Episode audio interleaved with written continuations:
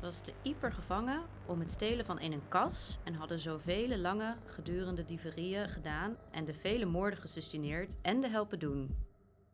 Het waren vrouwen, mannen en zelfs kinderen. En ze kregen stokslagen, gegezeld en de jongen werd ook gebrandmerkt. Ik ben Isabel Kasteels En ik ben Anke Wagemans. en ik ben doctoraatsonderzoeker aan de KU Leuven en aan de Universiteit Leiden. En dat betekent dat ik een onderzoeksproject doe waarbij ik kijk naar executies in de 16e eeuw. Ja, dat probeer ik te onderzoeken aan de hand van dagboekfragmenten en chronieken. En ik ben vooral heel benieuwd wat er allemaal in die kronieken geschreven staat. En daarom haal ik Isabel telkens even weg van achter haar schrijftafel om me er alles over te vertellen. We hebben ook een titel bedacht voor deze podcast, namelijk De Kronieken van de Dood. Het is een podcast voor EOS Magazine van Isabel Kasteels en Anke Wagemans. Zeg, eigenlijk hadden we in Ieper eh, moeten afspreken vandaag, eh, maar dat was een beetje ver. Ja, nee, dat was toch een beetje te veel uit de richting. Voilà, we hebben ook niet zoveel tijd, hè? Jij Nee. vooral niet. Nee, Nee, er moet ook gewerkt worden. voilà. Nee, ik heb een deadline binnenkort, dus eh, ja. De executie die we vandaag bespreken vond inderdaad plaats in Ieper. Yes. In welk jaar zijn we nu? 1587. Oké, en over wie gaan we het hebben? Wie werd er terechtgesteld? Ja, wel een bijzonder persoon, denk ik. Eh, namelijk Barbele Takits. Eh, en dat was een ja, bendeleider eigenlijk. Zij eh, ja, had een hele groep van eh, rovers onder zich. Dus eh, ja, ze maakte de streek onveilig. Klinkt als een scenario voor een misdaadfilm. Haast wel, hè? Ja. Oké, laten we eraan beginnen. Oké. Ze is van Antwerpen, maar ze is geëxecuteerd in Ieper. Hoe is ze dan in Ieper terechtgekomen? Nou, ik weet alleen dat ze geboren is in Antwerpen, maar ik denk inderdaad dat ja, de redenen waarom zij geëxecuteerd is, dus de misdaden waarvoor ze geëxecuteerd werd, dat ze die vooral in en rond Ieper uitvoerde. Want eh, ja, ze is eigenlijk daar opgepakt terwijl ze bezig was met een diefstal. Ze werd ook ja, in Ieper berecht. En dat kan eigenlijk alleen als de misdaden die dan gepleegd worden ook op, hè, binnen de jurisdictie van, van Ieper eh, plaatsvonden. En wat voor een misdaden pleegde ze dan? Barbele was eigenlijk een soort bendeleider. Dus hè, zij pleegde gewapende roofovervallen eh, samen met handlangers. En ja, ik kan wel even lezen wat Augustijn van Hernegem daarover schrijft. Ze was te Ieper gevangen om het stelen van in een kas en hadden zoveel lange gedurende dieverieën gedaan en de vele moorden gesustineerd en de helpen doen. Dus ja, ze werd betrapt tijdens het stelen van een kas, een geldkas neem ik aan. Maar het ging verder dus ook nog om ja, dieverij en moord. Dus ja, dat klinkt als roofovervallen natuurlijk. En ook niet maar één keertje, maar over een gehele lange tijd en heel vaak. Een actieve vrouw dan. Ja, blijkbaar, ja. Zeg, en een bendeleidster, een vrouw aan het hoofd van een bende, kwam dat vaak voor? Of hoe uniek was dat? Nou, ik, ja, ik denk dus dat het wel bijzonder is, want ik heb het zelf eigenlijk nooit eerder ja, gehoord. Dus daarom wil ik ook eigenlijk deze executie graag vandaag bespreken. Want eh, ja, ik vond het wel een heel bijzonder verhaal toen ik dit las. Bestond die bende dan ook uit allemaal vrouwen? Volgens mij niet. En die chroniekschrijver zegt daarover. En de hadden nog enige meiskens en de knechtgens, mits welke zij met hulpen van stoute moordenaars volkwamen vele vade feiten, want deze kwade hoop was meer dan 200 sterk. Ja, wat hij eigenlijk zegt is dat die bende uit wel 200 personen in totaal bestond. En dat waren vrouwen, mannen en zelfs kinderen, maak ik hieruit op. Ja, Waar zij dan eigenlijk de leiding over had. ja blijkbaar. Maar van emancipatie gesproken, moet dan toch een pittige dame geweest zijn. Weet je daar iets van? Ja, dat denk ik wel op basis van het verhaal. Maar ja, die chroniekschrijver zegt verder niks over hoe zij was als persoon. Maar ja, als je inderdaad eh, hoort over wat ze gedaan heeft, dan uh, ja, die was niet bang.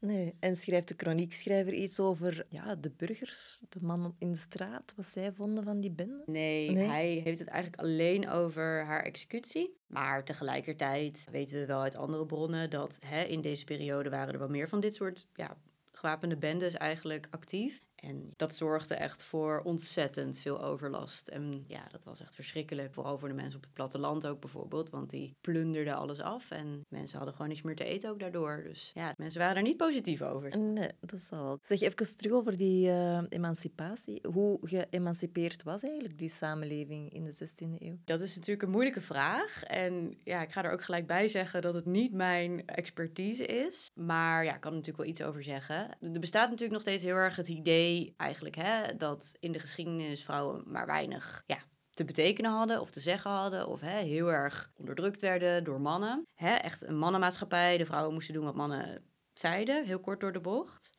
En nou ja, dat beeld is de laatste decennia toch wel heel erg sterk genuanceerd. Ook onder andere door mijn collega's aan de KU Leuven, die daar uh, heel interessant onderzoek uh, over doen. Um, dat is voor een andere podcast dan. ja, ja, ja, ja. Misschien, heb, misschien maken die ook wel podcasts. Ah, dat ja, uh, weet ik eigenlijk niet. Het zou zeker wel een goed idee zijn, ja. Maar goed, het is natuurlijk ook zo dat de geschiedenis heel erg lang ook door mannen geschreven werd. En ja, die hadden gewoon minder aandacht voor vrouwen.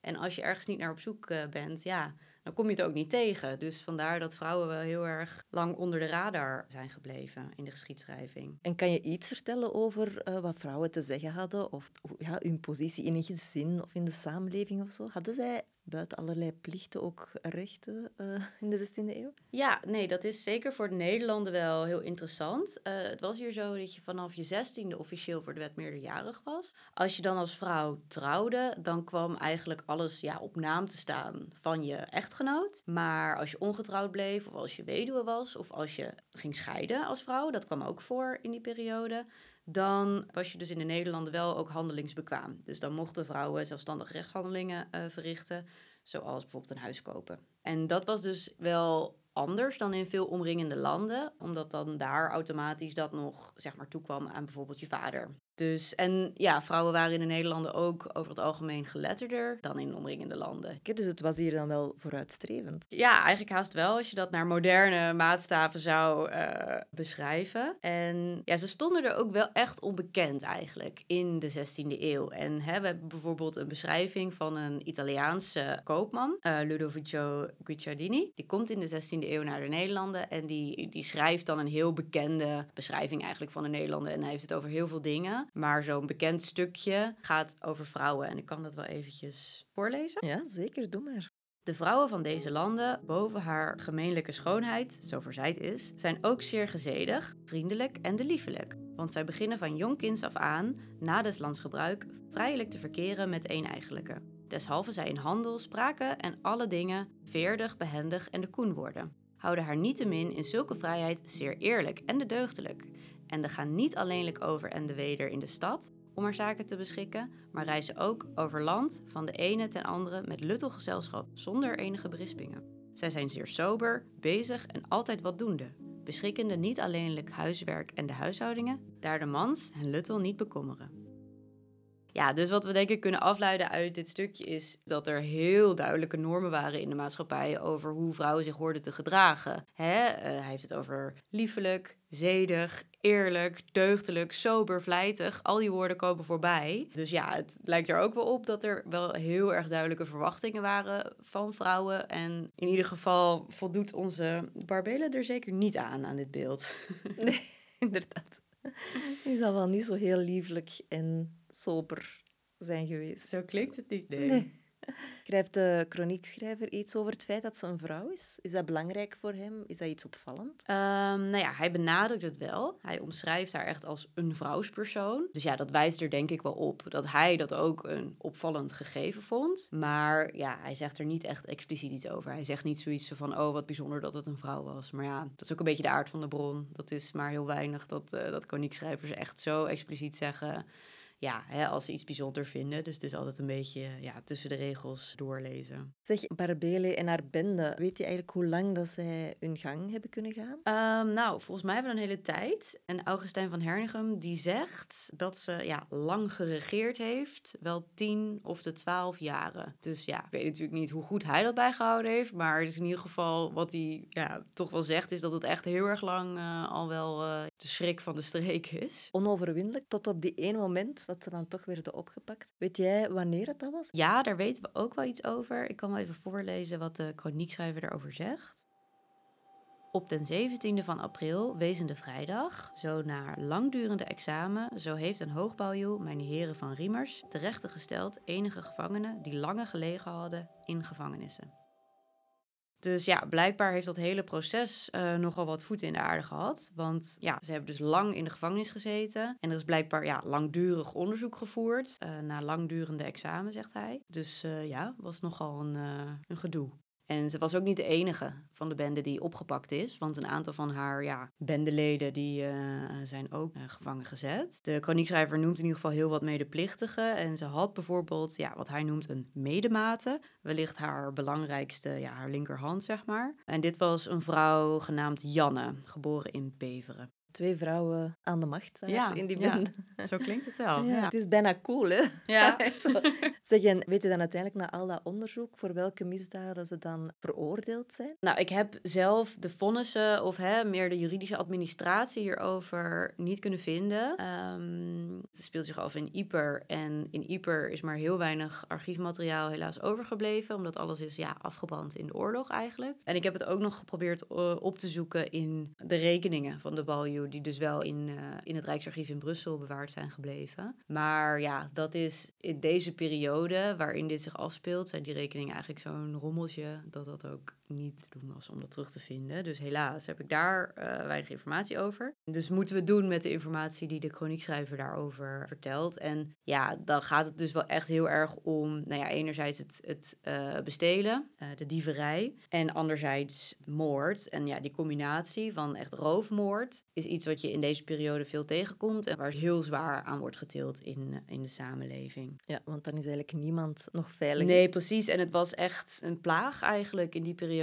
want hè, het is in die tweede helft van de 16e eeuw, ja, er is enorm veel spanning in de Nederlanden. Er ontstaat eigenlijk een burgeroorlog. En dat zorgt ook voor ja, het soort van rondzwerven van allerlei mensen die om welke reden dan ook zijn weggevlucht of verbannen zijn uit uh, de stad of het dorp waar ze vandaan kwamen. En wat je ziet is dat die zich eigenlijk in bendes gaan verenigen. Ja, ook omdat ze gewoon vrij weinig keuze hebben om te overleven. Er is ontzettend veel armoede. Dus ja, het is gewoon een hele moeilijke tijd. En ja, in die context zie je dus in deze periode veel van dit soort ja, echt georganiseerde misdaadbendes eigenlijk de boel terroriseren. En ja, het, het bekendste voorbeeld daarvan, dat zijn eigenlijk ja, de welbekende geuzen. Die natuurlijk zeker hè, in Nederland in de geschiedenis ook wel weer een soort van heroïsche naam hebben. In het hele verhaal van de Nederlandse opstand. Maar dat waren eigenlijk ook gewoon uh, ja, rondtrekkende bendes die geweld pleegden. En wat er ook heel hard aan toe ging.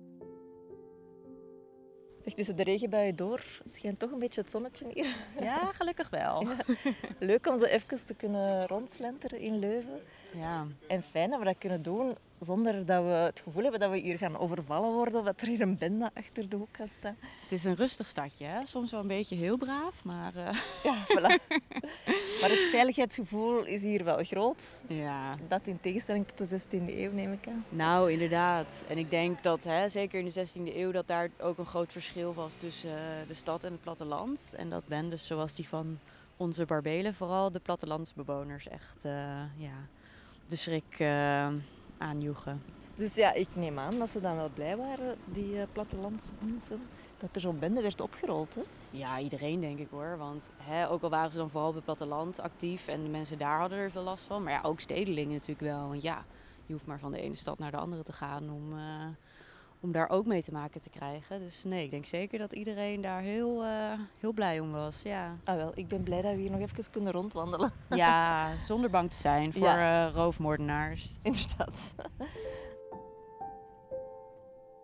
En dan volgt er waarschijnlijk het proces. Uh, weet je hoe dat proces is verlopen? Was het een eerlijk proces? Heb je daar enig idee van? Eigenlijk niet. Nee, ja, wat ik net ook al zei, omdat al dat archiefmateriaal eigenlijk er niet meer is. En ja, het enige is dus dat het lang duurde. En het dus blijkbaar ingewikkeld was. En dat ze werd vervolgd door de Baljuw, de heer van Riemers. Maar verder uh, kon ik er niks over vinden, helaas. Zeg, en wat is eigenlijk juist zo'n Baljuw? De baljuw was eigenlijk de vertegenwoordiger van de landsheer, van de vorst, in een bepaald rechtsgebied. En die trad dus op als openbaar aanklager. De verdachte werd dan vervolgens berecht door ja, de schepenen. Bijvoorbeeld in Ieper waren dat dan de schepenen van de stad, die dus ook de stad bestuurden. Die waren dan ook de rechter. Ja, die spraken dan het vonnis uit. En dan vervolgens was meestal de, de baljoe, ja, of de schout. Dat heeft eventjes, ja, in verschillende steden en verschillende gebieden in Nederland heeft dat een andere naam. Uh, maar die was dan ook weer verantwoordelijk voor het uitvoeren van de straf. Dus dat was ook de persoon die dan de beul uh, ja, betaalde eigenlijk voor het uitvoeren van uh, de executie. Dan weten we dat ook. Ja. Ik vroeg het mij af.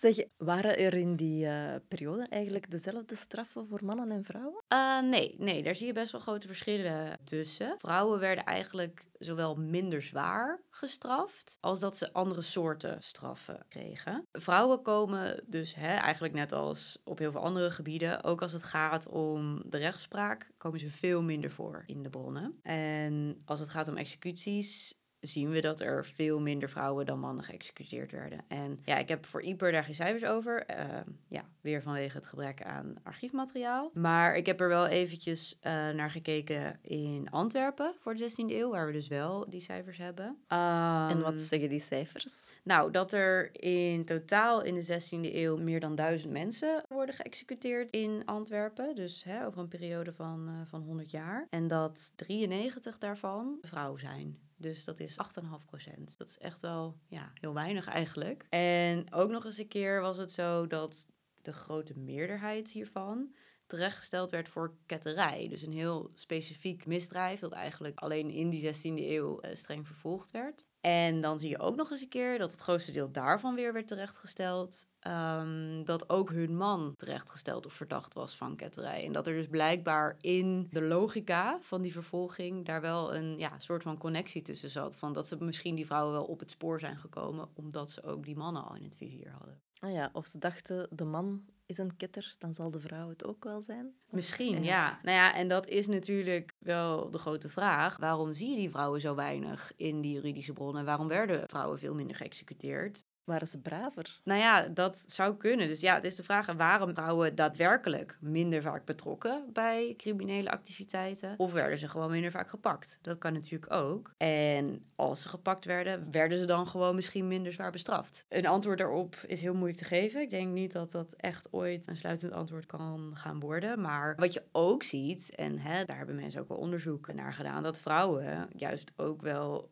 is gebruik konden maken van vooroordelen die er heersten tegenover vrouwen in de samenleving. Zoals hè, vrouwen zijn, uh, zijn niet in staat om een ingewikkelde misdaad te plegen of zo. Van dat ze ook de kaart spelen van ja, ik ben maar een vrouw, dus ik wist allemaal niet hoe het zat. En weet je wel, ja, mijn man deed nou eenmaal dit, dus ik deed dat dan ook maar. Maar eigenlijk hè, uh, wist ik nergens wat van. En dat dat ook wel ja, soms effectief was om dan onder uh, vervolging uit te komen. Dus ja, in die zin kun je het dan ook een beetje naar, naar je hand zetten. Ja, en hoe zat het dan met de straffen zelf? Was dat vergelijkbaar mannen-vrouwen of was daar ook een verschil in? Nou ja, ik denk dus ook dat vrouwen eigenlijk wel minder zwaar gestraft werden dan mannen. Ja, dat heeft ook een beetje te maken met bepaalde ideeën hè, over de logica van, van het rechtssysteem. En een van die dingen was bijvoorbeeld het idee dat mensen ja, eigenlijk fundamenteel ongelijk zijn aan elkaar. En hè, niet alleen mensen, maar ook misdaden. Dus hè, iedere misdaad, iedere misdadiger was anders en moest dus ook um, al naar gelang van die context bestraft worden. En hè, als je dat dan naar analogie van heersende opvattingen over vrouwen in die periode zou bekijken, dan zou je dus een soort van logica daarin kunnen zien van oké, vrouwen waren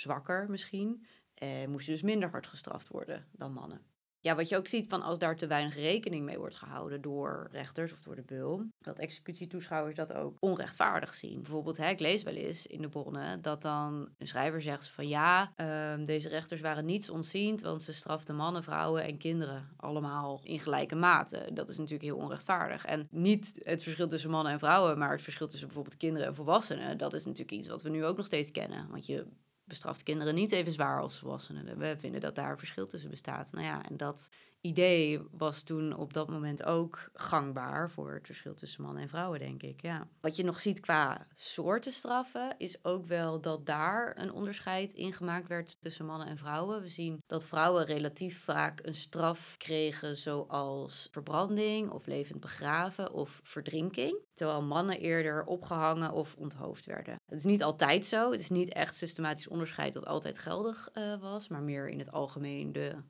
bredere trend, zeg maar. Ja.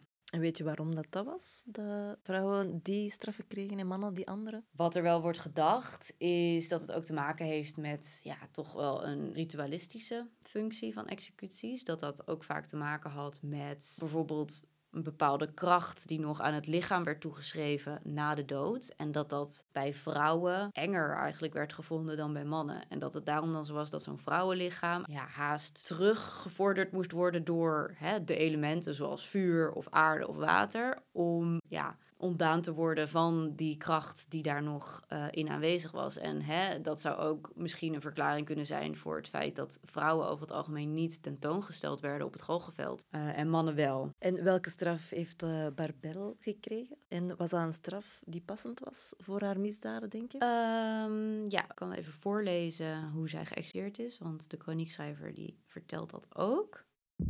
Zo was ze gecondamneerd van levende lijven ter dood gebracht te zijn met een vieren.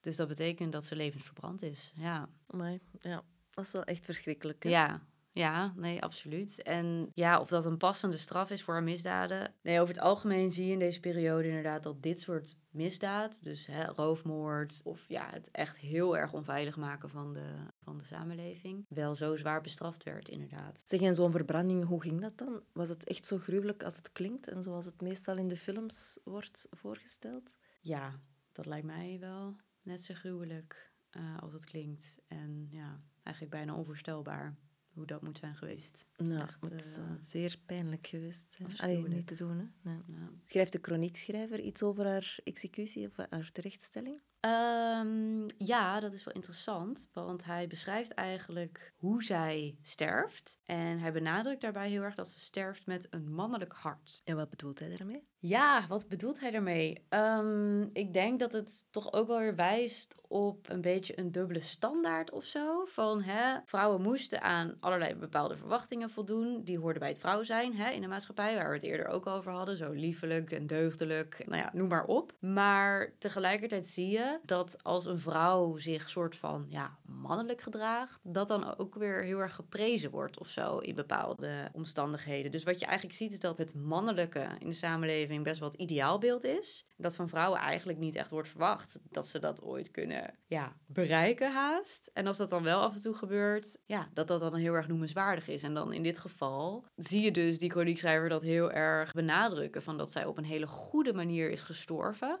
En dat noemt hij dus mannelijk sterven. En wat vrouwelijk sterven dan is, ja, dat vertelt het verhaal verder niet. Maar dat zal wel het tegenovergestelde zijn van, uh, van goed en mannelijk sterven. Ja. Ik denk dan direct aan niet gillen of zo, of niet reageren, of het stoïcijns ondergaan misschien, terwijl ze misschien verwachten van vrouwen dat die hysterisch reageren of zo. Wat er in die tijd gezien werd als ja, goed sterven, was eigenlijk het heel erg accepteren van je lot, maar ook heel erg veel berouw tonen over wat je, wat je fout had gedaan. En eigenlijk vergeving vragen aan de toeschouwers, de beul, de rechter, aan God, hè, aan iedereen die het maar wilde horen. Van uh, ja, eh, het erkennen van dat je iets fout had gedaan in de samenleving en het ook erkennen dat je daarvoor bestraft moest worden. Dus uh, ja, dat was eigenlijk goed sterven. En wat dan niet goed sterven was, was als je je daartegen verzette op een bepaalde manier. Als je bijvoorbeeld niet toegaf dat je iets fout had gedaan. Of als je niet accepteerde dat je moest sterven voor je misdaad. Dat, was, ja, dat werd niet gezien als goed sterven. Het was een hele bende. Hè? En uh, je zei ook dat de rest van de bende, of een groot deel, werd opgepakt. Werden ja. zij dan ook geëxecuteerd? Ook verbrand of op een andere manier? Uh, ja, een aantal werden ook geëxecuteerd, maar niet allemaal. En Barbede was de leider, dus zij werd het zwaarst bestraft. Haar handlanger Janne bijvoorbeeld, die we ook al uh, tegenkwamen, zij werd opgehangen. Uh, en de chroniekschrijver schrijft ook die executie. Hij schrijft namelijk... Op den 18e april, zaterdag zijnde, zo bleef het schavot staande van de voornoemde Berbelen en de, potenten. En de daar waren boven als dan gebracht een vrouwen de medematen van Barbelen. En de vier scharen gedekt zijnde, zo waren zij gecondemneerd de vrouwen, genaamd Janne, geboren van Beveren in Vurenambacht, was om haar lange gedurende dieverie en om andere kwade feiten, namelijk van enige moord daar zij mede of gedeeld hadden gewezen, om met haar koorden gericht te zijn aan een potente dat er de dood naar volgen moesten. Dus ja, die werd opgehangen aan de galg. En eigenlijk wat er wordt beschreven aan misdaden is wel heel vergelijkbaar met wat er ook over Barbelen gezegd wordt. Namelijk moord, langdurende dieverie, andere kwade feiten. En ja, ook nog wat andere medeplichtigen worden opgehangen. Ik geloof vijf in totaal. Zeg, en je zei dat er ook kinderen in die bende zaten. Werden die dan ook gestraft? Ja, die werden ook gestraft. Maar ja, daar werd dan wel onderscheid in gemaakt. Die werden niet zo zwaar gestraft als de volwassene bendeleden. De chroniekschrijver die, die vertelt ook wat er met die kinderen Hij schrijft namelijk. En de, daar stonden twee van de kinderen aan het pilorijn. De ene, het meisje, rondom me met roeden, stokslagen. En de knecht gegezeld en gebrand. Dus ja, ze werden niet geëxecuteerd, maar uh, ze moesten wel aan het pilorijn, dus hè, dat is de schandpaal, uh, staan. En ze kregen stokslagen, gegezeld en de jongen werd ook gebrandmerkt. Komt dat eigenlijk goed met zo'n kinderen, denk je? Je vraagt het je af, hè? Ja. ja. Bij de executies van de dag erna, dan vertelt de chroniekschrijver daar nog meer over. Dan zegt hij... En de, daar waren drie jonge knechtgens die dezelfde patiënten hadden geassisteerd in hun dieverie en andere kwade feiten. Die drie waren gewezen te staan op een schavot en het te zien dat dezelfde justitie die van stonde Anne zou gebeuren en de naar herliede dood, zo moesten deze jonge knechtgens gegezeld wezen tot een bloe en de gebannen zes jaren uit de steden en de schependommen en de zeven kassorieën. Dus ja, eigenlijk worden deze kinderen als straf gedwongen om toe te kijken op het schavot, terwijl hun ja, medebendeleden geëxecuteerd worden. En daarna worden ze gegezeld en verbannen. Dus nou ja, ook niet al te licht, laat maar zeggen.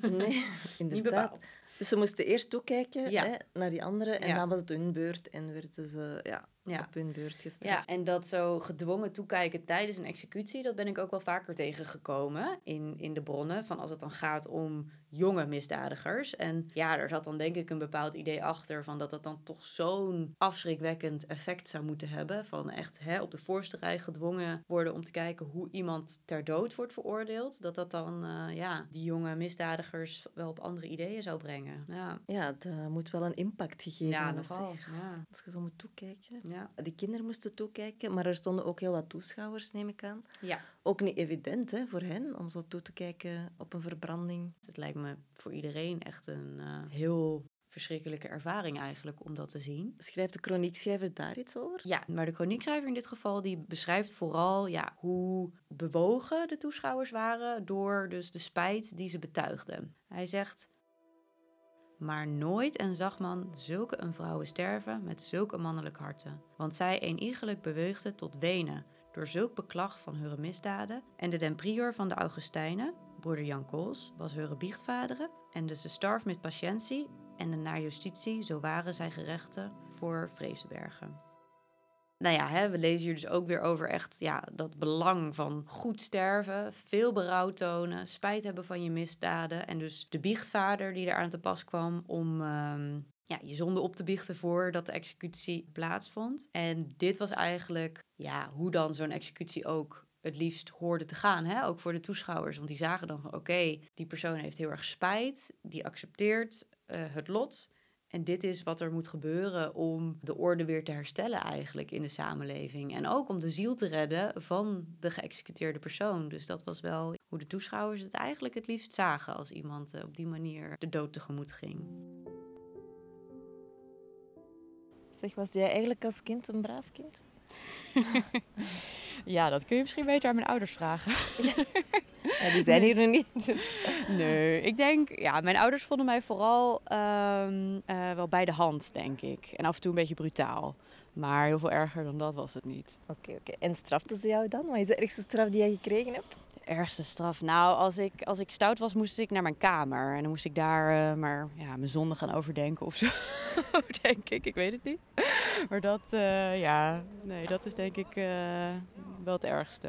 Moest je dan ook je excuses gaan aanbieden achteraf? Of? Ja, ik denk het wel. Ja, ja. God, ik kan me eigenlijk niet meer zo goed herinneren. Maar misschien was ik dan, eh, deed ik niet zoveel fout. Ja. ja, dat denk je dan zelf. Maar dan zou het toch niet zo erg geweest zijn als je het niet meer zo kan herinneren? dan- Geen, eh, nee, geen lid van een, eh, van een roversbende. Nee, dat nee. niet. Nee, oké. En geen trauma's opgelopen? Nee, blijkbaar ook niet. Oké, goed. Goed, even eh, terug serieus. En Ja. terug aan beginnen? Ja, laten we verder gaan. Oké, goed. Isabel, je hebt deze executie gevonden in de chronieken van Augustijn van Hernegem. Ja. Wat weet je over hem? Over Augustijn van Hernegem weten we eigenlijk vooral wat hij zelf schrijft. Hij was een poorter van Yper. En wat is een poorter? Een burger, dus hij had het burgerschap van, eh, van de stad Yper. Ja. En hij leefde van 1540 tot ongeveer 1617. Uh, en hij was redelijk welgesteld en vervulde onder andere het stadsambt van korenmeter. Dus hè, dat betekent dat je erop toe moet zien dat eh, de graanhandel eerlijk verloopt. Eh, we weten ook dat hij getrouwd is in 1565 en dat hij vier kinderen kreeg. En dat hij lid was van de Rederijkerskamer in Yper. En dus hè, zich ook bezig hield met rederijkers spelen, dichten, toneelstukken zijn dat. En eh, nou ja, zijn chroniek of dagboek eh, is dus heel interessant omdat hij het bijhield over een enorm lange periode. Namelijk van 1562 tot 1595, dus 33 jaar. eh, onderverdeeld in zeven boekdelen. Ideaal voor jouw onderzoek dan. Ja, absoluut. En eh, ja, Augustijn van Hernegem is eigenlijk wel een beetje mijn, eh mijn lievelingschroniekschrijver uit mijn onderzoek. Want ja, niet alleen omdat hij dus voor zo'n lange periode een dagboek bijhoudt, maar ja, hij is eigenlijk net zo geïnteresseerd in executies als ik. Dus eh dat is wel een heel... dat is natuurlijk wel heel leuk om te merken. En ja, hij schrijft ook eigenlijk in zijn chroniek, ja, min of meer dat hij is begonnen met het chroniek schrijven om dus ook executies te kunnen eh, bespreken. Oh ja, dat was zijn specialiteit dan een beetje misschien. Ja, hij was echt nou ja, een beetje geobsedeerd eigenlijk. Eh, ja, want hij, ik kan het wel even voorlezen wat hij daarover zegt. Eh, hij begint eigenlijk zijn eerste boek als volgt. Tot Gods ere, zo begint al hier zekere beschrijvingen van alle waarachtige zaken geschied en gebeurd binnen der steden van Yperen en landen van Vlaanderen, Brabant, Henegouwen, Artois, Holland, Zeeland, Friesland en de somma van andere landen en koninkrijken. Hierbij nog gevoegd alle justitie hier binnen der steden gedaan, beginnende in het jaar 62 en volgende alle op de marge, ten hoeveelste als nummer 1, 2, 3 en de alzovoort, met hun lieder delicten en de, de namen, dag en de daten van de jaren en de maanden, en de onder wie zij gestorven zijn.